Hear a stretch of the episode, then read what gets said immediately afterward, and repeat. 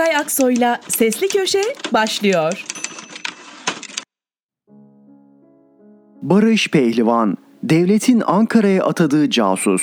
Bundan 6 yıl önceydi. Gazetemizin eski yönetici ve yazarlarına FETÖ operasyonu yapan savcı Murat İnam'ın kendisinin o sırada FETÖ üyeliğinden yargılandığını ortaya çıkarmıştım.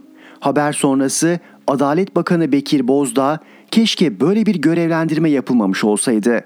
Talihsizlik olarak görüyorum demişti. Aradan yıllar geçti. Bekir Bozdağ Adalet Bakanlığından alındı. Savcı Murat İnam Malatya'da görevlendirildi. Yine aradan yıllar geçti. Bekir Bozdağ tekrar Adalet Bakanı oldu. Savcı Murat İnam da Bozdağ'ın başında bulunduğu HSK tarafından Ankara Bölge Adliye Mahkemesi üyeliğine terfi ettirildi. Biri talihsizlik mi demişti. Zira kilit soru şuydu. Görevdeki savcı Murat İnam hakkındaki yargılamanın akıbeti ne oldu? Hatırlatayım, İnam FETÖ'nün Selam Tevhid soruşturmasında kumpas kurmasına yönelik davada sanıktı. 10 ayrı suçlamadan bir kez ağırlaştırılmış müebbet, ayrıca bir kez müebbet ve ek olarak 67 yıl 3 aya kadar hapis cezasına çarptırılması isteniyordu. Dava dosyasına göre Adalet Bakanı Bekir Bozdağ'ın telefonları da usulsüzce dinlenip kayda alınmıştı. Lakin Emniyet Genel Müdürlüğü Terörle Mücadele Daire Başkanlığı'nın Murat İnam'ın FETÖ ile bağlantılı olduğuna dair iz ve emarelerin bulunduğuna ilişkin yazısı mahkumiyet için yeterli görülmedi. İnam'ın FETÖ'nün kumpas kurması için teknik takip istemesi de önemsenmedi. Keza onun savcı olarak kalmasını sağlayanların Fethullah HSK üyesi olması da dikkate alınmadı. Zaten kardeşinin örgüt kurumlarında görev alması da suçun şahsiliği prensibine aykırıydı. Ve nihayetinde geçen yıl Yargıtay 16. Ceza Dairesi Murat İnam'ın FETÖ üyeliği dahil bazı suçlamalardan beraatına hükmetti. Bazı diyorum zira iki suçlamayı ayırdı Yargıtay. Siyasi ve askeri casuslukla devletin gizli kalması gereken belgelerini açıklama. Yargıtay, savcı Murat İnam'ı bu iki suçlamadan yargılamaya devam edeceğim dedi özetle. Öyle de oldu. Yargıtay 3. Ceza Dairesi'ndeki son duruşma 11 Mayıs'ta görüldü. Ama Murat İnam katılmadı. Aradan bir ay geçti, İnam Malatya'da savcıyken Ankara'daki istiraf mahkemesinin hakimi oldu. Yani halen casusluktan yargılanan bir savcı Ankara'daki bir üst mahkemeye üstelik hakim olarak terfi ettirildi. Yani halen casusluktan yargılanan Murat İnam belki de casusluk davalarında karar verici olacak. Yani iddianameye göre casus ihtimal ki iddianameye göre casusları yargılayacak. Adalet Bakanı Bekir Bozdağ Gezi davası kararını eleştirenler hakkında beklentiye göre karar verdiği zaman Ankara'da hakimler ve mahkemeler var demek hukuk devletiyle bağdaşmaz demişti. Ah işte o gezi davasında Osman Kavala için iki yıl casusluktan tutuklu kaldıktan sonra meğer casus değilmiş denilmişti. İnamsa tutuksuzdu. Öyle ya casus var casus var. Ne kadar açığın varsa o kadar yönetilir oluyorsun. Yani Bozdağ haklı. Ankara'da şimdi öyle bir hakim var ki hukuk devletiyle bağdaşmaz. Ve benden hatırlatması yeni hakim Murat İnam'ın 28 Eylül'de Yargıtay'da casusluk davası var. Yeni iş yerine 15 dakikalık yol mesafesinde. Artık bir uğrar herhalde. Barış Pehlivan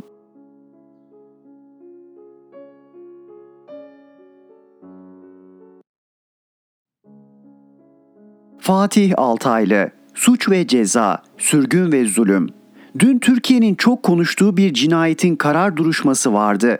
Pınar Gültekin'i vahşice hislerle öldürüp parçalayan ve bidonlara saklayan katil önce müebbet hapse mahkum oldu.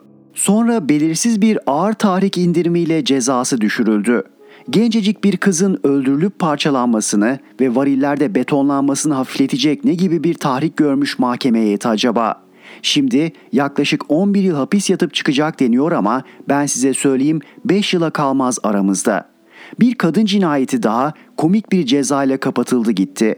Şimdi herkes kızıyor, sövüyor karar verenlere. Zırva bir tahrik unsuruyla cezadan büyük bir indirim yapanlara bedduanın bini bir para. Ama ben size bir şey söyleyeyim, bu kararı bir gün önce yapılan Adalet Bakanlığındaki atamalardan bağımsız düşünemezsiniz. İktidarın beğenmediği, işine gelmeyen, hoşlanmadığı, kendi yaklaşımına ters gördüğü kararları alan, alamasa bile muhalefet şerhi koyduran, iktidarın isteği doğrultusunda alınan kararlara uymayan tüm hakimler ve savcılar sürgüne tabi tutuldu.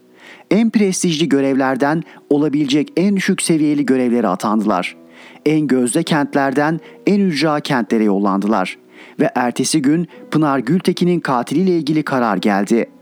Siz bu kararı veren yargıçların İstanbul Sözleşmesi'nden üstelik de hukuksuz ve anayasaya aykırı bir şekilde çekilen bir iktidarın bir kadın katiline yüksek ceza verilmesinden mutsuz olacağını bilmediğini mi zannediyorsunuz? O hakimlerin yahu şimdi ağır bir ceza verirsek durduk yerde birilerini kızdırabiliriz. En iyisi kanuna göre ceza verelim. Kafamıza göre de ağır tahrik indirimi yapalım dememesi sizce mümkün müydü? Elbette ki değildi. Zaten demediler de uydurdular bir tahrik geçtiler. Çünkü asıl tahrik edilen adaletti. Sürgünle tahrik edilmişlerdi. Ama adalete karşı, dürüstlüğe karşı, hukuka hakka karşı. Bir parodiye 5 yıl öldürüp yakıp üzerine beton dökmeye 23 yıl ceza ancak yargının siyasetin anlayışına esir hatta köle düştüğü zamanların yargısıdır. Onurlu, hukuka bağlı, adalete inanmış hakimlerin sürgün edildiği, ezildiği yerde yargıdan adalet bekleyemezsiniz. Çünkü adalet birkaç onurlu yargıcın değil bir milletin meselesidir. Adaleti olmayan bir ülkenin geleceği olmaz. Adil hakimine zulmeden ya da bu zulme seyirci kalanında Bugün her şeye rağmen adil kalmaya çalışan hakimler için o sürgünler bir onur madalyasıdır. Boyun eğip tahrik yaratanlar içinse o kararlar bir utanç vesikası. Kayyum Allah'ın sıfatıdır. Haberiniz var mı? Kayyum rezaletlerinin bini bir para. Hepsi peş peşe geliyor. Milletin, devletin malına emin olarak atanan kayyumlar başına atandıkları şirketleri soğuyor, soğana çeviriyor. Her şeye kaim ve muktedir koskoca bir iktidar, el koyduğu şirketleri, belediyeleri yönetecek hırsız olmayan bir tane bile adam bulamıyorsa ortada ciddi bir sorun var demektir. Duyduğum son rezalet Kayseri'den. FETÖ suçlamasıyla el koyulan Boydak grubunun başına atanan kayyum, milyonlarca doları Slovakya'da sahibi olduğu şirketlere aktararak buharlaştırmış. Bahse konu miktar yaklaşık 360 milyon TL. Bu bilineni eşeleyince kim bilir daha neler çıkacak altından bilmiyoruz. Bildiklerimiz ise şunlar. Daha önce şirketin fotoğraf çekimleri için kız kardeşine 1 milyon TL ödemişti.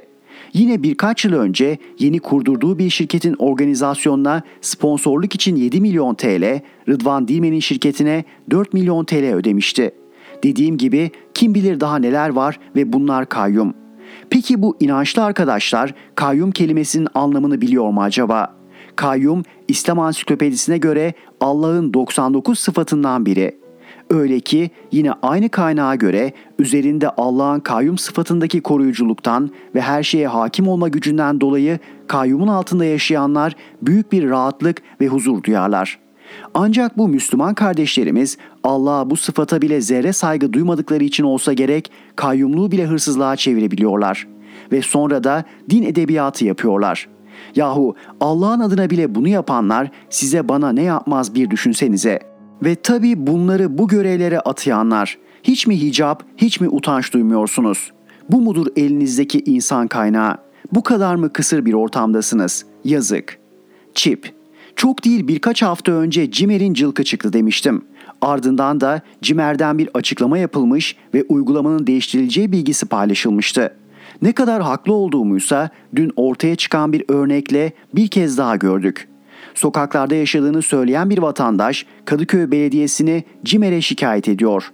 Gerekçe şahane. Belediyenin aşevinde fakir fukaraya dağıtılan çorbadan içmiş ve çorbada çip olduğu ve kendisine bu yolla çip takıldığı iddiasıyla CİMER'e başvurmuş. Buraya kadar olabilir. Belli ki ortada bir meczup var.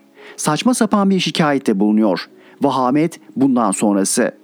Çorba yoluyla kendisine çip takıldığını iddia eden bu evsiz yurttaşın şikayetini inceleyen CİMER yetkilisi şikayeti ciddiye alıyor ve İstanbul Valiliğine iletiyor. Valilik konu Cumhurbaşkanlığından geldiği için meseleyi ciddiye alıyor, Kadıköy Kaymakamlığı'na iletiyor. Kadıköy Kaymakamlığı da konu valilikten geldiği için konuyu ciddiye alıp Kadıköy Belediye Başkanı'na bu olay nedir diye soruyor. Rezalete bakar mısınız? Koskoca devlet silsile-i meratip içinde bu zırvalıkla uğraşıyor. Yazışma üzerine yazışma yapıyor. Şimdi benim merak ettiğim şudur.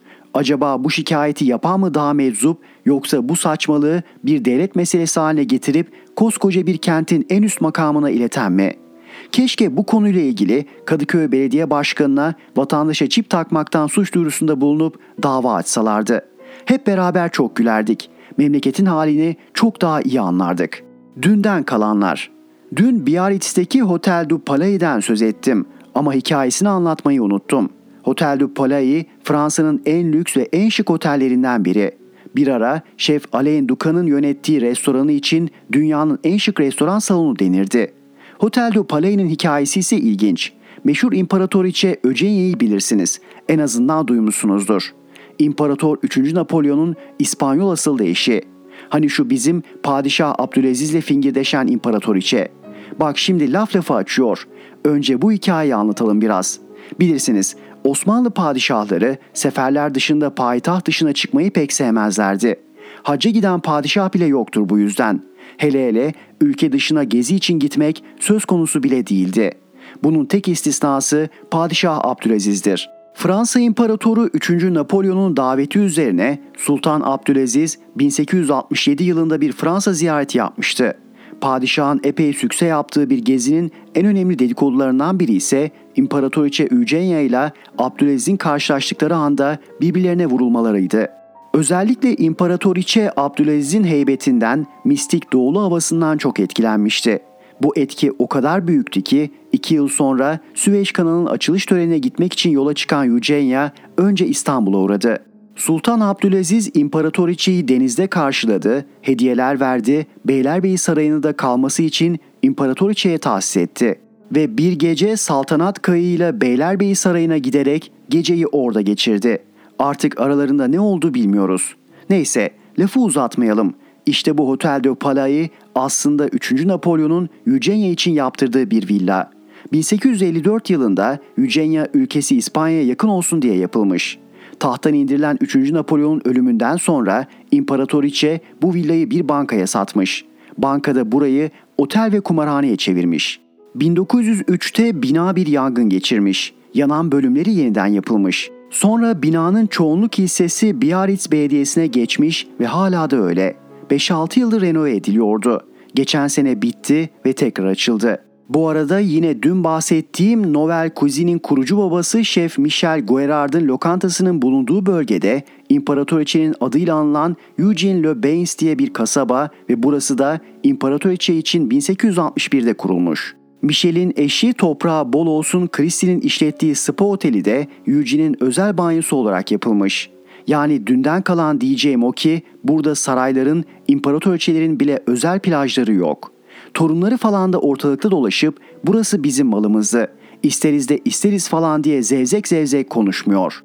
Özil Mesut Özil Fenerbahçe'yi sosyal medya hesaplarından silmiş, takibi bırakmış. Çünkü Fenerbahçe artık kendisini istemiyor. Çocukluk aşkım dediği Fenerbahçe'yi artık takip etmiyor ama yıllar önce kovulduğu Arsenal'i hala takip ediyor. Şaşırdım mı? Asla. Ben bunun böyle biri olduğunu söylediğimde Fenerbahçeliler çok kızmıştı. Şimdi onlar da gördü. Ben size söyleyeyim. Mesut Özil'in İslami imajı da bence aynı Fenerbahçe aşkı gibi.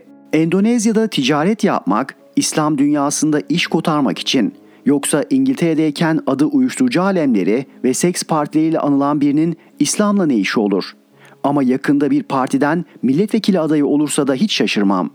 Ne zaman adam oluruz? Televizyonlarda cin çıkarılan bir ülkede televizyonda bilim programı yapmaya devam etme gücünü bulduğumuz zaman. Fatih Altaylı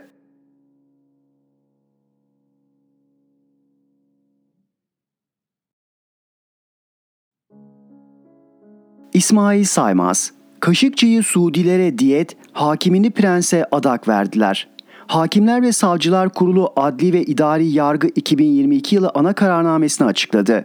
Bu kararname ile 5246 hakim ve savcının, 33 şehrin başsavcısının ve 351 yerel mahkeme üyesinin görev yeri değişti. İki isim hali dikkat çekiyor. Biri Tuğba Ersöz.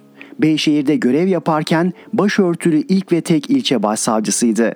Yeni kararname ile Gümüşhane Cumhuriyet Başsavcılığına getirildi. Türkiye'nin ilk başörtülü il başsavcısı olan Ersüz'ün tayini, kamusal alanda başörtülere yönelik ayrımcılığın son bulması bakımından anlam içeriyor. Fakat bu ne hukuk devletinin kökleşmesine ne de yargı bağımsızlığına katkı sunuyor. Eğer böyle olsaydı İstanbul 12. Ağır Ceza Mahkemesi Başkanı Nimet Demir Ersöz'le aynı kararname ile Kahramanmaraş'a sürülür müydü? Dikkat çeken diğer isim Demir. İktidara muhalif değil. Hatta 2013-14 yıllarında Yeni Asya gazetesinde yazı yazıp başörtüsünü savunan bir muhafazakar. Zaten adı başörtülü avukatlara yönelik ayrımcılık iddiasıyla açılan davayla duyuldu. İstanbul Barosu Staj Eğitim Merkezi'nde 27 Nisan 2012 günü ders veren bir hukukçu, başörtülü Şule Gökkılıç Dağlı'ya ya başınızı açın ya da perukla girin dedi. Dağlı çıkmayı reddetti. İki avukat Dağlı hakkında tutanak tuttu. Staj Eğitim Merkezi yürütmesi başörtülü gelenlerin disiplin cezası alacağını duyurdu. İstanbul Barosu yönetimi kurallara uymayanların uyarılmasına karar verdi. Baro Başkanı Ümit Kocasakal'ın da aralarında olduğu 18 hukukçuya görevi kötüye kullanmaktan İstanbul 12. Ağır Ceza Mahkemesi'ne dava açıldı.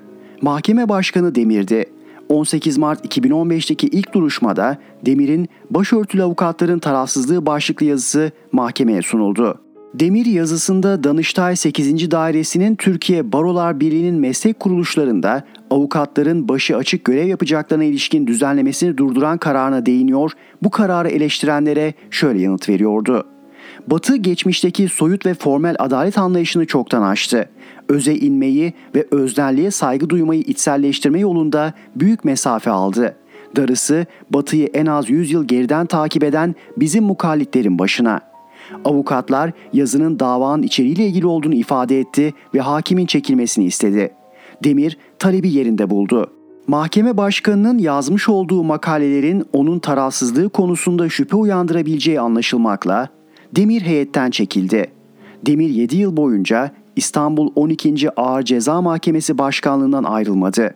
Gazeteci Cemal Kaşıkçı'nın 2 Ekim 2018'de Suudi Arabistan'ın İstanbul'daki başkonsolosluk binasında katledilmesine ilişkin yargılama bu mahkemeye düştü.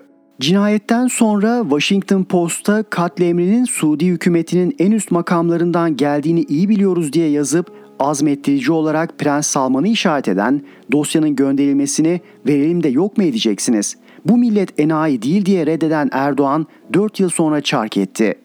Dosya Kaşıkçı'nın katillerine verildi. Milletin enayi yerine konmasına yalnızca Demir karşı çıktı. Muhalefet şerhinde davanın devri sanıklar açısından kendi davalarının yargıcı olmak sonucunu doğuracaktır diye yazdı.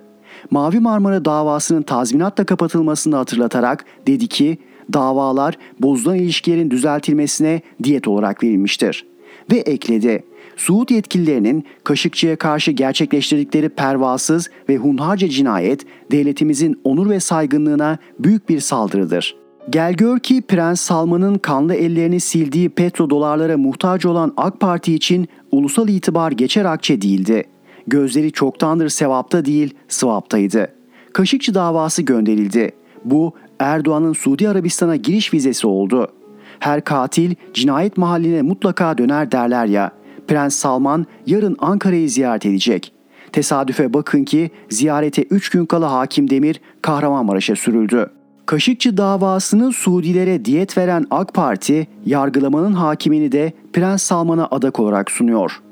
Dün bu köşede okumuşsunuzdur. Demir'le görüştüm. Kaşıkçı davasındaki şerrinden ötürü hakim Nimet Demir bu atamaya maruz kaldı diye düşünüyor. Ne düşünüyorsunuz diye sordum. Aynı şeyi düşünüyorum diye karşılık verdi hakimlikten ayrılacağını söyledi. Şaşkın mıydı? Evet. Bu kadar cesur olacaklarını, bu kadar rahatsızlık hissedeceklerini tahmin etmedim dedi. Pişman mıydı? Asla. Kararım kıyamete kadar duracak. Bir döneme ışık tutacak dedi. Vaktiyle başörtüsünü savunan bir yargıç olarak muhafazakar iktidar tarafından cezalandırılmak ne demek mi? Demir, aslında otoriter bir yapıdan beklenebilecek şeyler bunlar. İnsan hakları, özgürlük ve demokrasi gibi değerlerin topluma yerleşmesi noktasında bir anlayışım var benim. Muhafazakar bir insanım ama böyle bir anlayışa sahibim. Demokrasi, insan hakları ve özgürlük anlayışının ve değerinin gereği neyse onu yapmaya çalışıyordum. Bu otoriter yapılarda her zaman tepki görecek duruştur. Ben de o duruşun şu anda mağduru konumundayım diyeyim. Anayasa Mahkemesi kararına rağmen CHP İstanbul Milletvekili Enis Berberoğlu'nu tahliye etmeyen, sözcü yazarlarını FETÖ'den ve Canan Kaftancıoğlu'nu tweetlerden ötürü cezalandıran hakim Akın Gürlek, hukuk tanımaz diye şikayet edildiği Adalet Bakanlığı'na bakan yardımcısı olarak atanırken Demir'in Kahramanmaraş'a sürülmesi şaşırtıcı değil. Bilakis süreç tamamlanıyor. Çünkü yargı artık Beştepe Hukuk Bürosu olarak işlev görüyor. Siyasi talimatlar doğrultusunda dava açılıyor. Düşman ilan edilen muhalifler ipe sapa gelmez terör, casusluk ya da darbe iddialarıyla tutuklanıyor. Kanıtlarla değil kanaatlerle cezalar veriliyor.'' O kürsü Rahip Brunson ve gazeteci Deniz Yücel davalarında olduğu üzere ABD ve Almanya ile köle pazarlığı ya da Mavi Marmara ve Cemal Kaşıkçı yargılamalarındaki gibi siyasi şantaj ve taviz için kullanılıyor. Beştepe Hukuk Bürosu'nun baktığı tek bir dava var. Bu zorba düzeni ayakta tutmak. Gerektiğinde herkes susarken kamuda başörtüsünü savunmuş muhafazakar bir hakimi talimatlara karşı geldiği için sürebiliyor.'' Türkiye'nin ilk başörtülü başsavcısı atandı dediğinizi duyar gibiyim. Asıl mesele hakim savcının başındaki örtü değil ki. Yargının boynundaki kement asıl mesele. İsmail Saymaz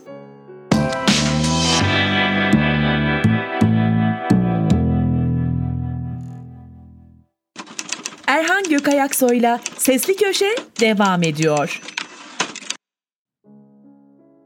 Mehmet Tezkan Cumhurbaşkanı bile şikayetçi.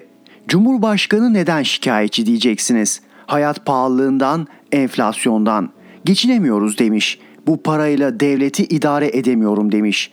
Para suyunu çekti demiş. Kasa tam takır kuru bakır demiş. Beş kuruşa muhtacız demiş ve meclisten ek bütçe istemiş.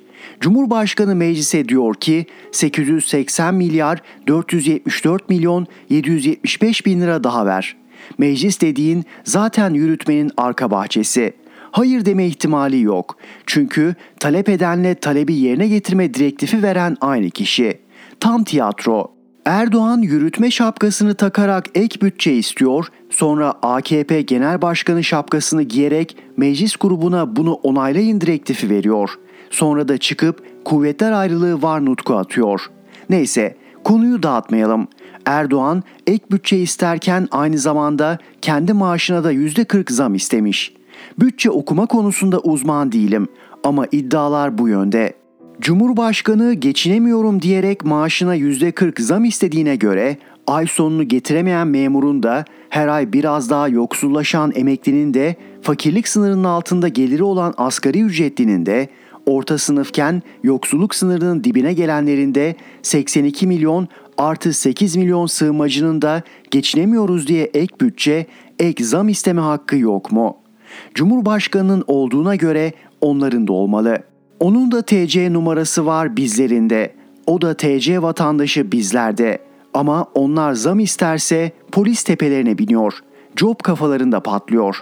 Erdoğansa meclise bir sayfalık yazı göndererek ne isterse alıyor. Düzen bu. Cumhurbaşkanının mali sıkıntıya girmesinin sebebi fiyat artışıymış. Yani Cumhurbaşkanı da hayat pahalılığına şikayetçi. Peki hayat pahalılığını yaratan kim? Yüksek enflasyonu körükleyen, devletin bütçesini 6 ayda sıfırlayan kim? Dini kalkan yaparak gece gördüğü rüyayı sabah uygulamaya kalkan kim? Faiz sebeptir, enflasyon sonuçtur fantezisini. Merkez Bankası'nı kendisine bağlayarak direktif veren kim? Türkiye her geçen gün batağın batağına sürüklendikçe kararında ısrar eden kim? Faizi daha da indireceğim diye doları yükselten kim? Türk lirasının değerini yerlere düşüren, dünyanın en zayıf parası haline getiren kim? Kur yükselince benzinden doğalgaza, elektrikten tüm ürünlere zam üzerine zam yapan kim? Recep Tayyip Erdoğan. Bunları yaptıktan sonra fiyat artışından şikayet edip bütçesine ve maaşına zam isteyen kim? Recep Tayyip Erdoğan. Trajikomik ötesi değil mi? Benden bu kadar. Söz iktidarın, iktidara tam destek veren yazarların. Varsa cevapları iki satır kalem oynatırlar mı? Biliyorum çok zor. Ah iki satır yazabilseler. Mehmet Tezkan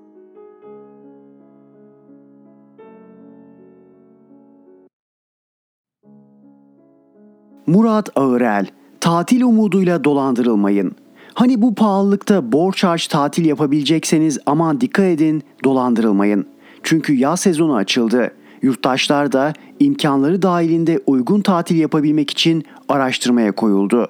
Ülkemizde ne yazık ki hukuk ve adalet siyasileştiği için ahlaksızlık ve dolandırıcılığı yaşam şekli haline getirmiş kişiler yurttaşların bu arayışlarını fırsata çevirmişler. Anlatayım. Adı Zeynep, tatile çıkmak istiyor. Helal tatil konsepti sattığını belirten bir siteye girip oteli inceliyor.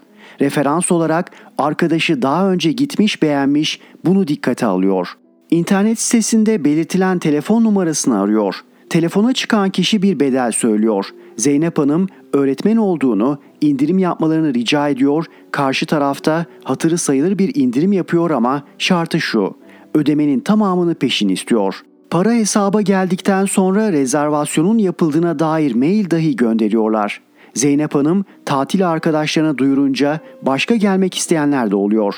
Otelin telefonunu arayıp arkadaşlarının rezervasyon yaptırdığını ve fiyatını söyleyince otel yetkilileri böyle bir rezervasyonun olmadığını dolandırıldıklarını belirtiyorlar. Bu durumu arkadaşından öğrenen Zeynep Hanım para gönderdiği şirketin telefonunu tekrar arıyor. Dolandırıldığını anlayınca karşı tarafa bu durumu şikayet edeceğini bildirmiş. Dolandırıcı ne derse beğenirsiniz. Savcılar dahil hepsine küfredip kapatmış telefonu. Sadece Zeynep adlı yurttaş değil, tespit edilen 32 kişi daha aynı şekilde dolandırılmış ve şikayetçi olmuş. Tamamı aynı örgüt tarafından dolandırılmış. Ailesiyle birlikte otel rezervasyonu yaptıran Seyfullah Bey 14.000 TL yatırmış. Dolandırıldığını otele gidince öğrenmiş. Duygu Hanım aynı şekilde otele gidince dolandırıldığını anlamış. Peki kim dolandırmış? Ankara Cumhuriyet Savcılığı Kaçakçılık ve Örgütlü Suçlar Soruşturma Bürosu'nun düzenlediği iddianame ve itirafçı olan şüphelinin itiraflarıyla örgütün yapısı ortaya çıkarılmış. Örgüt lideri Hollanda'da yaşayan Kuzey Engin Karadağ isimli birisi. Kod adı kullanıyor. Nasıl çalıştıklarını da anlatayım. Eskişehir'de bulunan Mustafa Baysal isimli kişi gazetelere işçi aranıyor diye ilan veriyor. Dolgun ücretle bekçi, otelde işçi vesaire gibi. İş için başvuranlara Eskişehir'e gelmesi gerektiğini söylüyor. İş başvurusu için gelen kişilere aylık bir miktar kazanıp kazanmak istemediğini soruyor ve bir süre otelde ağırlıyor. İşe ihtiyacı olanlar da aylık gelecek kesin ve kolay para adına teklifi kabul ediyor. Teklif şu, adınıza şirket kurulacak, bu şirket turizm işi yapacak vesaire gibi bahanelerle açılacak, size de ayda 3000-5000 TL yatacak. Kişiler de bunu kabul ediyor ve üzerlerine şirket kuruluyor. Sonra kurumsal telefon hatları ve banka hesapları açılıyor. Ama esas mesele bundan sonra başlıyor. Çünkü işin içine ünlü otellerin internet sitelerinin aynılarını ancak sahte olanlarını yapacak kişiler giriyor. Sonrasında kopyalanan sitelerle kurumsal hatlar faaliyete başlıyor. Google reklamı verilip ünlü otellerin kopya siteleri aramalarda en üste çıkmaya başlıyor. Dolandırdıkları kişilerin paralarını paravan şirketlere, sonra ise kendi aralarında paylaştırıyorlar. Kalan para Hollanda'ya aktarılıyor. İtirafçının beyanından takip edelim. Yatırılan bu paralar yapı içerisinde şu şekilde paylaştırılır. Yapılan her satışta şirket kurduran yönetici %8 alır. Doğrudan satışlardan payı ise %20'dir. %5 satış yapan üyenin payıdır. Geri kalan kısımsa Kuzey Engin Karadağ'ın payıdır. Yazılımcılarsa Kuzey Engin Karadağ tarafından maaşla çalıştırılır. İsmini Nixon olarak bildiğim ve Makedonya ülkesinde bulunan şahıs günlük 500 dolar maaş almaktaydı. Diğer yazılımcılarsa aylık 3000 TL maaş almaktalar. Ancak aylık 3000 TL maaş alan yazılımcılar ne iş yaptıklarını yani bu oluşumun dolandırıcılık faaliyetinde bulunduğunu bilmemektedir. Nixon ise bu yazılımcıların başındadır ancak birebir temasları yoktur. Üzerlerine şirket kurulan kişiler olaydan haberdar olmadıklarını ancak tüm banka hesaplarını bu kişilere verdiklerini, kendilerinin aylık bir bedel aldıklarını, kimseyi dolandırmadıklarını söylüyorlar. İtirafçı olan kişi örgütün Türkiye ayağı olan ve tüm şirketleri kuran kişinin öz oğlu. Kendi öz oğluna da şirket kurdurmuş ve bu şekilde dolandırıcılık faaliyetlerinde bulunmuşlar. Kaç kişinin dolandırıldığı belli değil. İşin ilginci adlarına sahte site yapılan otel sahipleri bu konuda suç duyurusunda bulunduklarını ama sitelerin kapatılmadığını açıkça iletmişler. Zaten dolandıran kişilerde mağdurlara istediğine şikayet edebilirsin. Paralarınızı yiyoruz. Savcının da nokta nokta vesaire gibi küfürler savurarak alay etmişler. Bu kişilerden bazıları tutuklu ve yargılanıyor. Ancak bu yapılar aynı şekilde dolandırmaya devam ediyor. Bir adım geriye gidip genel çerçeveye baktığınızda ne görüyorsunuz? Ben bir yılda 52 haftanın 50'sinde çalışıp 2 haftasında tatil yapmaya çalışan, artık alt sınıfa düşmüş ofis çalışanları ve mavi yakalıların dramlarını görüyorum. Eğer ülkede zam sağanağının altından borç harç bir tatil parası kurtarabilirseniz bu kez de dolandırılma ihtimaliyle karşılaşıyorsunuz. Çok acayip değil mi? Ülke neresinden tutsanız elinizde kalıyor. Murat Ağırel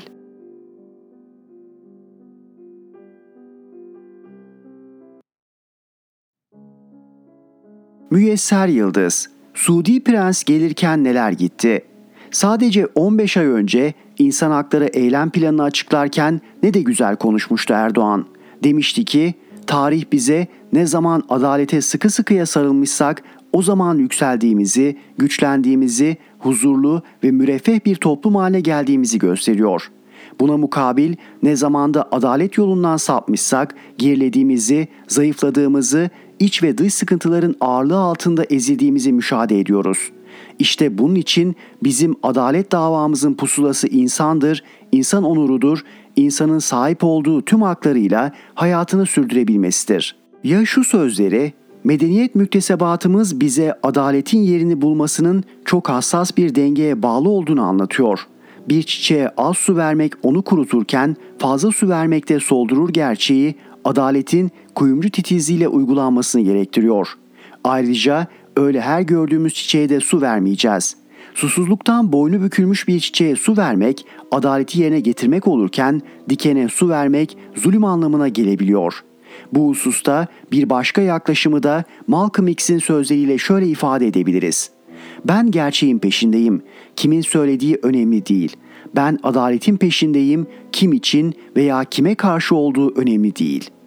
Erdoğan'ın verdiği bilgiye göre 9 amaç, 50 hedef, 393 faaliyetten oluşan ve 2 yıl içinde uygulanacak bu planda hakim ve savcılara coğrafi teminat sağlanması da vardı.'' 15 ay sonra bugün iktidarın ve piyasaların gözü nerede? Suudi Arabistan Veliaht Prensi Muhammed Bin Selman'ın yarın ülkemizi şereflendirmesinde.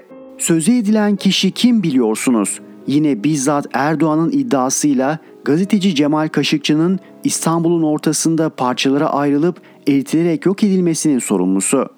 Kaşıkçı olayı sonrasında Suudi Arabistan'dan Türkiye'ye en üst düzeyde program olacak prensin iade ziyaretinin gündemi yoğunmuş. Erdoğan prens görüşmesinde ikili ve bölgesel konuların yanı sıra sağlık, enerji, gıda güvenliği, tarım teknolojileri, savunma sanayi, finans, ticaret, turizm, müteahhitlik, gayrimenkul gibi kritik alanlarda anlaşmalar imzalanacakmış. Suudi Arabistan'ın İHA ve SİHA alım isteği de masada olacakmış. En büyük müjde Suudi Arabistan'ın Türkiye'ye uyguladığı seyahat kısıtlamasının prensin bu ziyaretiyle birlikte kalkması bekleniyormuş. Nisan'ın son haftasıydı. Hazine ve Maliye Bakanı Nurettin Nebati de Mayıs'ta İstanbul'da otellerde yer bulunamayacak. Araplar da gelmeye başladı, Suudiler de gelmeye başlar diyerek bu beklentisini dile getirmiş ancak halden anlamaz Suudi yönetimi Covid salgını gerekçesiyle ülkemize seyahat kısıtlaması koymuştu. Neyse ki medyamızın yakın zamana kadar hakkında katil manşetlerini attığı prensi beklemesine gerek kalmadı. O gelmeden ülkemize seyahat yasağını kaldırdılar. Öyle ya yasak kalkmasa kendisi nasıl gelecekti? Şimdi medyamız seyahat şirketleri adına sevinmesin de kim sevinsin? Nurettin Nebati'nin gözleri ışıldamasında ne olsun? Prensin bu âli cenaplığı karşısında Ankara ülkemizi ezdirecek değildi elbette. Küçük de olsa iki jeste karşılık verildi. İlki Cemal Kaşıkçı davasının Suudi Arabistan'a devredilmesine karşı çıkan hakim Nimet Demir'in prensin ziyaretine 48 saat kala İstanbul'dan Kahramanmaraş'a gönderilmesi oldu. Hakim Demir'in devir kararına niye karşı çıktığını bilelim ve hiç unutmayalım. Kovuşturması devredilen 11 sanıkla ilgili Suudi Arabistan adli makamlarının mükerrer yargılama yasağı kapsamında davayı reddedeceği aşikardır iddiasında bulunmakta kalmamış özetle şunları vurgulamıştı. Davanın devri sanıklar açısından kendi davalarının yargıcı olmak sonucunu doğuracaktır. Suud yetkililerinin ülkemizde Kaşıkçı'ya karşı gerçekleştirdikleri pervasız ve hunharca cinayet ülkemizin ehil belde vasfına, devletimizin onur ve saygınlığına büyük saldırıdır. Bu eylem sebebiyle kamu düzeni ciddi bir şekilde zarar görmüştür. Eylemi gerçekleştiren faillerin bulunup yargılanması, eylemleriyle mütenasip müeyyide uygulanması suretiyle sarsılan kamu düzeninin tamiri elzemdir.'' Ne yapalım Suud yönetimi yargılamak için sanıkları vermiyor acziyeti içinde davanın devri ve sanıklar hakkında kırmızı bültenin kaldırılması toplumun adalet, eşitlik, dürüstlük gibi değer yargılarıyla bağdaşmadığı kanaatindeyim. Davalar bozulan ikili ilişkilerin düzeltilmesine diyet olarak verilmiştir. Bu faslı bitirmeden Cumhur İttifakı'nın ortağı MHP lideri Devlet Bahçeli'nin şu sözlerini de hatırlatalım. Demişti ki tüm oklar Veliaht Prensi işaret etmektedir.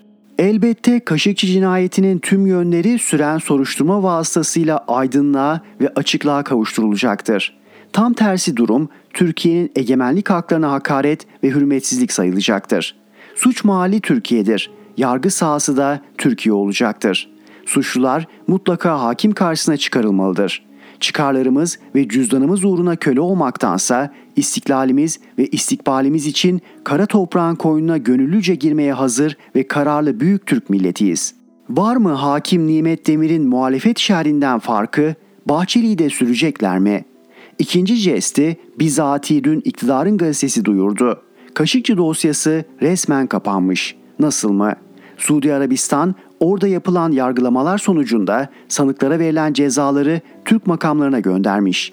İstanbul 11. Ağır Ceza Mahkemesi verilen bu cezaların uygun olduğu kanaatine varınca dosyanın düşmesine karar vermiş. Böylece de dava kapanmış. Oysa neler neler söylemişti Erdoğan. Bu vahşi cinayetin tüm sorumluları ortaya çıkartılmadan ne İslam dünyasının ne de dünya kamuoyunun tatmin olması mümkün değildir. Bunlar dünyayı enayi zannediyor, insanları enayi zannediyor. Bu millet enayi değil, hesap sormasını bilir. Bizim partimizin adı adalet. İkincisi kalkınma ve bir devlet veya liderler adalet üzere ayakta dururlar. Eğer adalet yoksa çökmeye mahkumdurlar. Türkiye her zaman olduğu gibi adaleti savunmaya devam edecek, buradan taviz veremeyiz. Gelinen noktada Kaşıkçı cinayetini örtbas etmek, yok saymak mümkün değildir gibi.'' O dönem Yeni Şafak gazetesinin genel yayın yönetmeni iken Birleşik Arap Emirlikleri ve Suudi prenslerine demediğini bırakmayan İbrahim Karagül'ün kulakları çınlasın. Şunları yazmıştı. Suud veliahtı Muhammed bin Selman ve Bae veliahtı Muhammed bin Zayid bütün coğrafyaya Türkiye düşmanlığını yayma rolünü üstlenmiş bu iki kontrolsüz adam Cemal Kaşıkçı olayının doğrudan sorumlularıdır. Emirler, talimatlar, kararlar ikisi tarafından verilmiş, kaçırma ya da cinayet onların talimatları doğrultusunda gerçekleştirilmiştir. Muhtemelen İsrail ve Mısır istihbaratına da bu iş için yüklü para ödenmiştir. ABD ve İsrail ile anlaşıp Kudüs'ü, Filistinleri satan, Mekke ve Medine için gizli anlaşmalar yapan, bölgesel savaş için her türlü provokasyonu üstlenen, Türkiye ve Erdoğan düşmanlığı hastalık haline gelen bu iki isim terör destekçiliğinden, örtülü operasyonlardan, cinayetten, adam kaçırmadan, savaş suçu işlemekten suçlanmalı, yargılanmalıdır. Coğrafyamız bu iki kişiyi durdurmalıdır. Çünkü onları durdurmak ABD ve İsrail'i durdurmaktır. Selman ve Zayid'in şımarıklığı, gözü dönmüşlüğü, parayla her şeyi yaparız aptallığı aslında kendilerini vuracak. Bence sonları hiç iyi olmayacak. Erdoğan'ı devirme ihalesi onlara çok pahalıya patlayacak. Evet prens geliyor. Dikene su verilmiş, adalet pusulası zıvanadan çıkarılmış ve millet enayi yerine konmuş ne gam. Konumuzla ilgisi yok ama dış politikadaki anlam ve önemi itibarıyla Meclis Başkanı Profesör Mustafa Şentop'un ağzından çıkan bazı benzetmeleri de kayda geçirelim. Yunanistan'a tepki gösterirken şu ifadeleri kullandı. El eşeğine binen erken iner. Başka ülkelerin kucağına oturarak Türkiye'ye karşı operasyon çekmekten vazgeçilmesini tavsiye ediyorum. Müyesser Yıldız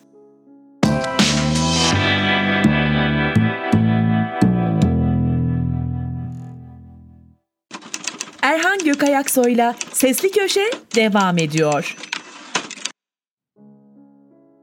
Naim Babüroğlu, ABD'nin sır olmayan projesi ve Türkiye.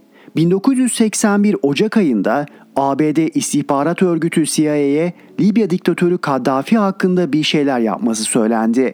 Bunun üzerine CIA Libya operasyonlarını bu ülkenin sınır komşusu Çad üzerinden yürütmeye karar verdi. Afrika'nın bu en yalnız ve en fakir ülkesinin yönetimi bu amaçla kontrol altına alınacaktı. Bu konuda ajanlık yapması için Çad'ın savunma bakanı iken yönetimle ters düşen ve 2000 savaşçısıyla Batı Sudan'a geçen Habre seçildi.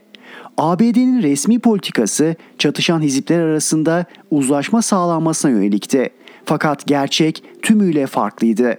ABD sırf Kaddafi'nin düşmanı olduğu için Habre'yi desteklemiş ve 82'de Çad iktidarını ele geçirmesini sağlamıştı. Oysa ABD halkı Çad adında bir ülkenin varlığından bile habersizdi. ABD'li düşünür Noam Chomsky halkın geneli neler olup bittiğini bilmez. Hatta neyi bilmediğini de bilmez demişti. Çok doğru söylemiş. ABD 1982'de Libya lideri Kaddafi'yi devirmeyi başaramadı. Ancak Büyük Orta Doğu projesi kapsamında Arap Baharı gerçekte ise kanlı sonbahar fırtınasıyla hedefine 30 yıl sonra 2011'de ulaştı. Hem Kaddafi'yi devirdi hem de Libya'yı parçalamayı başardı. Şimdi parçalanmış ve iç savaşın hüküm sürdüğü bir Libya var. Dönemin ABD Dışişleri Bakanı Hillary Clinton 2019'da CBS News TV'ye yaptığı röportajda 8 yıl önce öldürülen Kaddafi ile ilgili olarak geldik, gördük, öldü diyecekti. Bu sözcükler Jules Caesar'ın Zela Savaşı zaferini anlatan Roma Senatosu'na yazdığı mektubunda yer alır. Veni vidi vici yani geldim gördüm yendim diyordu Sezar mektubunda. Clinton belli ki Sezar'dan esinlenmiş. ABD, NATO'yu ve bazı ülkeleri de arkasına alarak ne yazık ki Türkiye'nin de katılımıyla Kaddafi'yi devirmiş ve parçalanmış bir Libya'yı dünyaya hediye etmişti. Afganistan'da, Irak'ta ve Suriye'de yaptığı gibi. Sözde Arap Baharı gerçekte kanlı sonbahar fırtınası 2011'de Libya lideri Kaddafi'yi devirdi. 2011'den bugüne iç savaş yaşayan Libya, devletlerin güç mücadelesi alanına dönüştü. 19 Mart 2011'de Fransa, İngiltere ve ABD Libya'da hava saldırılarına başladı. 26 Nisan 2011'de NATO, Kaddafi'ye bağlı hedeflere hava saldırıları düzenledi. Türkiye, TBMM'den tezkere henüz çıkmamışken Libya'ya müdahale için 4 fırkateyn, bir yardımcı gemi ve bir denizaltıyla NATO'ya katkı sağladı tarihinde bir iç savaşa taraf olmayan Türkiye, enerji kaynaklarının kontrolünü ve Libya'nın parçalanmasını hedef alan ABD'nin, Fransa'nın ve İngiltere'nin yanında yer almış oldu. Aslında ABD en yetkili ağızdan ve çok sayıda belgelerle hedeflerini açıkça belirtmekten çekinmemişti. Bob çok açıktı. Tüm belgeler ve tarihi süreç görmezden gelinse bile NATO eski komutanı ABD'li Orgeneral Wesley Clark 2007 yılında televizyonda yaptığı bir röportajda ABD'nin hedeflerini çok anlaşılır bir dille anlatmıştı. Pentagon'da bir generalle konuşmasını şöyle aktarıyordu. 11 Eylül'den 10 gün sonra Pentagon'a gidip Savunma Bakanı Rumsfeld ve yardımcısı Wolfowitz'i gördüm. Alt kata indim. Generallerden biri beni içeri çağırdı. O sıralar Afganistan'ı bombalıyorduk. Hala Irak'ta savaşa girme durumunda mıyız diye sordum. Daha da kötüsü dedi. Masasına uzandı, bir kağıt aldı. Bunu az önce yukarıdan aldım. 5 yıl içerisinde Irak'la başlayan, sonrasında Suriye, Lübnan, Libya, Somali ve Sudan'la devam edip İran'la bitecek 7 ülkeyi nasıl ele geçireceğimizi anlatan bir not dedi. Irak, Suriye ve Libya'nın parçalanmasına yönelik Pentagon planını NATO eski komutanı ABD'li Orgeneral 2007'de yani kanlı sonbahar fırtınasının başlangıcından 4 yıl önce canlı yayında söylemişti. ABD'nin sır olmayan ve çok açık olan bu projesinden en olumsuz etkilenen ülke Türkiye oldu. 911 kilometrelik Suriye ve 378 kilometrelik Irak sınırı olmak üzere toplam 1300 kilometrelik sınırı terör üreten bir coğrafya durumuna getirilmiştir. Dünyada en fazla göçmene ev sahipliği yapan ülke konumuna getirilmiştir.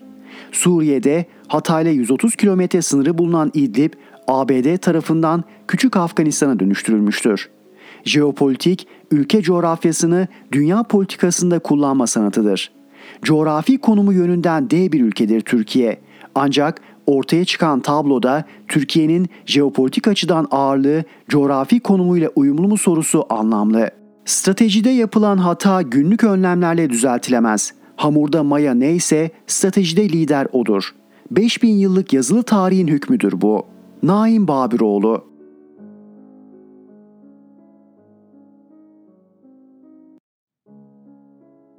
Rifat Serdaroğlu, Aziz Türk milletine, dün Atatürk'ün ordusuna düşman bir iktidarın ve ona boyun eğmiş yargı sisteminin ne hale geldiğini bir kez daha gördük. Bir ülkede adalet ölürse orada devlet de ölür. Bir ülkenin en büyük zenginliği doğru, çabuk, tarafsız, bağımsız adaletidir. Siyasal ümmetçiliğin ve ihvanın temsilcisi ucube iktidar için bu evrensel değerler bir şey ifade etmez.'' Ankara Adliyesi'nde dün 11 yıllık AKP ortağı CIA elemanı FETÖ'nün Türk yargısına sızmış piçlerinin sahte delillerle Atatürk'ün şerefli komutanlığına kurduğu kumpası gördük. 28 Şubat Türk Devleti'nin kendisine kurulan irtica kumpasına anayasal kurumlarıyla ve tamamen yasal olarak karşı çıkıp kendisini savunmasının adıdır. Askeri darbe, silahlı kuvvetler mensuplarının silah zoruyla ülke yönetimine el koymasıdır. 28 Şubat'ta böyle bir eylem olmuş mudur? Milli Güvenlik Kurulu anayasal bir kurum, hükümet kendisine tavsiye edilen MGK kararını imzalamış, dönemin Başbakanı Erbakan bu kararları uygulayın diye Bakanlar Kurulu'na yazılı direktif vermiş, bakanlar kararların ivedilikle uygulanması için defalarca yönetmelik çıkarmışlar. İmzalayanlar arasında Abdullah Gül Akşener de var.'' Türkiye Büyük Millet Meclisi açık, devletin tüm kurumları ve siyasi partiler çalışıyor. Bu nasıl darbe? Birbirlerinin haksızlıkla edinilmiş mal varlıklarını aklamak üzere kurulmuş Refah Yol hükümeti 28 Şubat'tan 122 gün sonra kendi isteğiyle istifa etmiş. Bir zorlama var mı? Yok. Bizler Atatürkçü ve dürüst milletvekilleri yeni kurulan hükümete güven oyu vererek Refah Yolu yıktık. Bu siyasi bir mücadeleydi. Tıpkı şimdiki boğazına kadar yolsuzluğa ve hırsızlığa bulaşmış AKP iktidarını yıkacağımız gibi.'' Şimdi herkes elini vicdanına koyup söylesin. Bu nasıl bir darbe? Uygulamada aksaklık varsa, vatandaş sıkıntı çektiyse sorumluları İçişleri Bakanı Akşener, Adalet Bakanı Şevket Kazan ve Refah hükümetidir. Bu makamlarda askerler mi vardı? Yaşları 74 ila 90 arasında olan kahramanlar neden zindanda? Bu nasıl bitmez bir kindir? Bu olay Türk milletine şunu gösterdi. Türk ordusunun yönetimi kendini savunmaktan acizdir. Şu anki Milli Savunma Bakanı ve Türk ordusunun komutanları neden zindandaki komutanlarını savunmaz?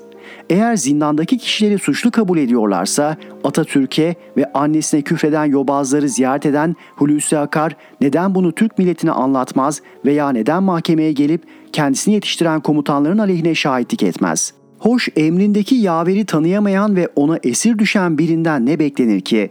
Bu kumpasın başında Erdoğan vardır. Zindandaki paşaların kendisinden af dilemelerini bekliyor ki paşaları affeden kişi olarak seçime girmek istiyor. Çok bekler. Atatürk'ün komutanları Türk yargısının dürüst davranmasından başka bir şey istemez. Erdoğan'ın ortağı Bahçeli'den bahsetmeye bile değmez. Siyasi vantilatörlüğe atlamış birinden kime ne fayda gelir ki? Ama zindandakiler şerefli askerler değil de birer mafya babası olsalardı Bahçeli onları serbest bırakmak için ortalığı yıkardı ve askerler serbest olurdu. Kılıçdaroğlu nerede? Devletin bazı kurumlarının kapısına kadar gidip içeri alınmayan, Atatürk düşmanı ve İngiliz ajanı Seyit Rıza'yı ululayan, Canan için meydana on binleri toplayan, ben Atatürk'ün kurduğu CHP'nin genel başkanıyım.'' Bu parti savaş meydanlarında kuruldu diyen Kılıçdaroğlu ben de 28 Şubat mağduruyum diye açıklama yaptı. Benim devlet bakanı olarak görev yaptığım dönemde SSK Genel Müdürü olarak görevlendirdiğimiz Dersimli Kemal nasıl mağdur olmuş? Türk milletine anlatsaya. Eğer mağdur olduysa şimdiki ortağı Akşener'den hesap sorsun. Onu fişleyen Akşener değil miydi? Hem genel müdür koltuğunda oturacaksın hem mağdurum diyeceksin. Pes.'' Altılı İttifak'ın birinci başı Kılıçdaroğlu ömrü boyunca Atatürk'ten nefret etmiş, ona hakaret etmiş, devrimlerine ihanet etmiş üç genel başkanı ortak olarak almakla mı Atatürkçü olmuş? Ya Altılı İttifak'ın ikinci başı Akşener, 28 Şubat'ın İçişleri Bakanı. Bu kararlar eksiksiz olarak uygulanacak diyen ve onlarca yönetmelik yayınlayan bakan. Hem bunları yapacaksınız, hem karara imza atacaksınız, hem de güvenlik güçlerinin halka orantısız güç kullanmalarına izin vereceksiniz. Erbakan vefat ettikten 15 yıl sonra açılan 28 Şubat davasında utanmadan MGK'da kendilerine verilen emrin gereğini yapan 74 ila 90 yaşındaki kahramanlardan şikayetçi olup onlar için hiçbir şey yapmayacaksın. Montreux Antlaşması'nı savunan 104 emekli amiral için bunların yaptıkları zevzeklik diyeceksiniz ve hiç sıkılmadan ben Atatürkçüyüm diyeceksiniz. Ne de olsa hem Bahçeli'nin hem de özelçilerin çırağı. Aziz Türk milleti, herkes kendi tıynetinin gereğini yapar. Sizler de bu vatanın gerçek sahipleri olarak doğruyu yapmak zorundasınız. Doğru kimse ona destek olmalısınız. Yoksa bu karanlık bir kabus olarak kafamıza çöker. Karar da takdir de senindir aziz Türk milleti. Not Ankara 5. Ağır Ceza Mahkemesi kahramanlarımızın tutukluluğuna ve duruşmanın 21 Kasım'da yapılmasına karar verdi. Tüm mafya babaları, gerçek FETÖ'cüler dışarıda, Türk askerlerinin kafalarını kesen El-Kaide militanı Gaziantep'te iki dükkan işletiyor, ömrünü Türk milletinin hizmetine adamış kahraman ordu komutanları zindanda. Adaletinizle bin yaşayın, tarafsız ve bağımsız yargı. Rifat Serdaroğlu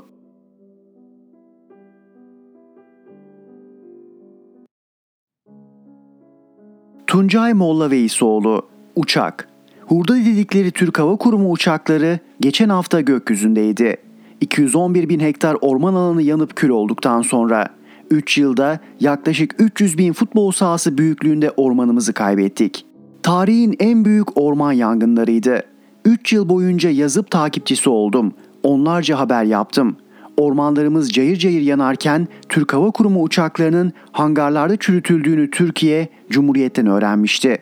Mesleğimizin büyük ödüllerinden Türkiye Gazeteciler Cemiyeti Sedat Simavi ödülünü kazanan Habersel'ini hatırlatayım. 2019 yılında Türk Hava Kurumu uçaklarının devre dışı bırakılıp yangın söndürme işinin özel sektöre devredildiğini, uçak yerine helikopter kiralandığını, yalnızca helikopterlerle yapılan müdahalenin yetersiz olacağını, asıl işi mimarlık olan şirketin yangın söndürme işini neden üstlendiğini, dünyanın en iyi yetişmiş yangın söndürme filosu ateş kuşlarının nasıl dağıtıldığını, kurumun kapısına nasıl kilit vurulduğunu yazdım. Bakanlığın uçaklar hurda yalanını belgeleriyle çürüttüm. Ulaştırma Bakanlığı'nın en az 5 uçağın uçuşa hazır olduğunu gösteren belgesini yayımladık. Ciğerlerimiz içindeki canlarla yanarken Türk Hava Kurumu uçakları, pilotları ve teknik personeli hangarlara kilitlenmişti. Ve 2020 yılı geldi. O yılda yangınlar aynı şekilde devam etti. Bakanlığın orman yangınlarındaki yetersiz cılız müdahalesini Türkiye gözyaşlarıyla izledi. Haberlerimiz ses getirmiş, kamuoyu Türk Hava Kurumu uçaklarını uçurun talebini dile getirmeye başlamıştı. Bakanlık uçak isteğine on binlerce hektar alan yandıktan sonra kayıtsız kalamadı. Bir ihale açtı ve o ihalede 5 ton su kapasitesi şartı getirerek 4900 litre su taşıyan Türk Hava Kurumu uçaklarını yine devre dışı bıraktı. 100 litre için Türk Hava Kurumu yine uçamayacak diye yazdım. Orman Bakanlığı ve AKP iktidarı tüm uyarılara kulağını tıkamıştı. Ve o yılın sonunda dönemin Orman Bakanı Bekir Pakdemirli'yi Rusya'da Rus yangın söndürme uçaklarını denerken izledik. Pakdemirli uçakla ilk turunu atarken havacılık konusunda uzman, milletvekili döneminde yolsuzlukların üzerine giden CHP'li avukat Haluk Pekşen aradı. Pekşen endişeli bir sesle bu uçaklar Türkiye coğrafyasına uygun değil. Türk Hava Kurumu uçakları gibi manevra ve su alma kabiliyetleri yok. Dağlık ortamda uçamazlar dedi. Bu haberi ve bilgiyi de manşetten yazdık. Türk Hava Kurumu'nun pilotları dağlarımızı, derelerimizi, ormanlarımızı on yıllardır ezberledi. Sayısız yangın söndürdü. Bu tecrübeyi yok etmeyin diye yazdım.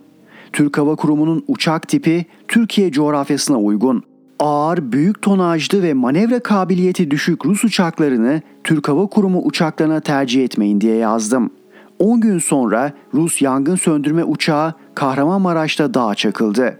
5'i Rus, 3'ü Türk 8 mürettebat yaşamını yitirdi.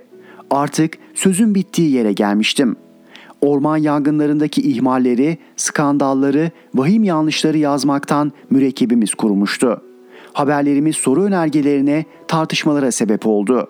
Ve bu tartışmalar sürerken 2021 yılında 20 yılda yanan büyüklükte ormanlık alanımızı kaybettik. Geçen hafta hurda uçaklar Ankara semalarında uçuyordu. Türk Hava Kurumu uçaklarının 3 yıllık inat sonrası yeniden hava söndürme filosuna katılması sevindirici. Peki ihmal ve kötü yönetimin neden olduğu orman yangınlarının hesabını kim verecek? Yanan onlarca can, yitirilen insanlar, kül olan hayatlar. Yanlıştan dönmek güzel ancak siyaset hesap verme işidir. Onca uyarıya rağmen ormanların yanmasına göz yumanlar, yanlışta ısrar edenler, yanan ormanları rant kapısı olarak görenler hesap verecek mi? Yeni uçak bilmecesi. Orman Bakanlığı Türk Hava Kurumu'na ait 4 adet CL-215 tipi suya inerek ikmal yapabilen amfibi uçakların yanı sıra 14 adette Air Traktör tipi uçak kiraladı. İzmir Orman Bölge Müdürü kiraladıkları uçakların hem karadan hem de suya inerek ikmal yaptığını söylese de gerçek böyle değil. Bu uçak tipi havaalanlarında park halindeyken dolum yapıp uçabiliyor. Yani erken müdahaleye fırsat vermiyor. Aynı uçağın aparat yardımıyla sudan ikmal yapan tipi de var. Uzman pilotlarla konuştum. Aparatlı haliyle denizden su alamayız. Uçak çok küçük. Yalnızca durgun göller ve barajlardan su alınabilir diyorlar. İktidar Air traktör uçağını yeni ateş kuşları olarak tanıttı ancak bu uçakların Türk Hava Kurumu uçaklarının yerini tutması mümkün değil. Uçakların havaalanına inip su doldurup kalkması bir saati buluyor. Daha önce Orman Genel Müdürlüğü'nde görev yapan Hüseyin Hacıoğlu başkanlığındaki uzman ekip İspanya'ya giderek inceledikleri uçakların Türkiye için uygun olmadığına karar vermişti. Ne değişti? Türkiye'nin ihtiyacı olan Türk Hava Kurumu'nun elindeki uçakların benzeri. Bu haliyle yine yeterli havadan yangın söndürme gücüne sahip değiliz. Tuncay Molla Veysoğlu